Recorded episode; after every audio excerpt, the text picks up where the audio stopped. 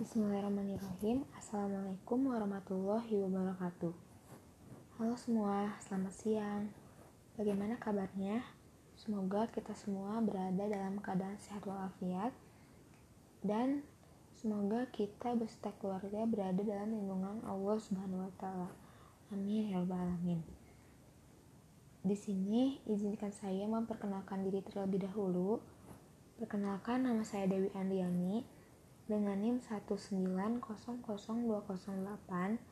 dari kelas PKN 2019A Fakultas Pendidikan Ilmu Pengetahuan Sosial Universitas Pendidikan Indonesia. Nah, di sini saya akan mengomentari kelompok 4 dengan anggota Elia Winingsih, Ivan Rifai, dan dan Padil Tambun. Nah, mengenai tema kewarganegaraan abad 21, teori keras kritis, dan masa depan metode studi sosial. Menurut pendapat saya, kelompok sudah cukup jelas dalam menyampaikan materi melalui podcast ini. Lalu makalahnya pun sudah cukup rapi dan sesuai dengan sistematika yang telah disampaikan oleh Bu Nusrina melalui spot minggu lalu. Untuk PPT-nya juga menurut saya cukup menarik karena terdapat banyak animasi yang lucu. Hanya saja ada beberapa slide yang isi materinya panjang atau padat. Seperti yang kita tahu bahwa PPT kan singkatan dari PowerPoint.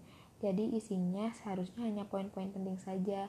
Jadi apa alangkah lebih baiknya jika isinya bisa lebih diringkas lagi atau jika dirasa semua penting bisa dipindahkan ke slide selanjutnya. Jadi nggak numpuk di satu slide kayak gitu. Biar lebih enak aja dilihatnya terus lebih enak juga dibacanya. Lalu untuk pertanyaannya sendiri tadi kan dijelaskan ya oleh pemateri bahwa Dewan Nasional ini setuju dengan studi sosial dan cocok untuk mencapai tujuan.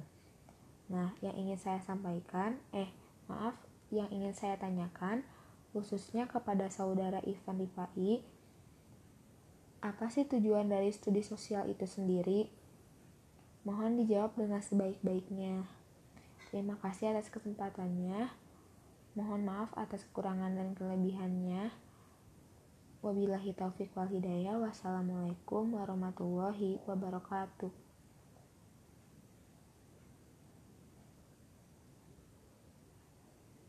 Terima kasih untuk yang sudah mendengarkan.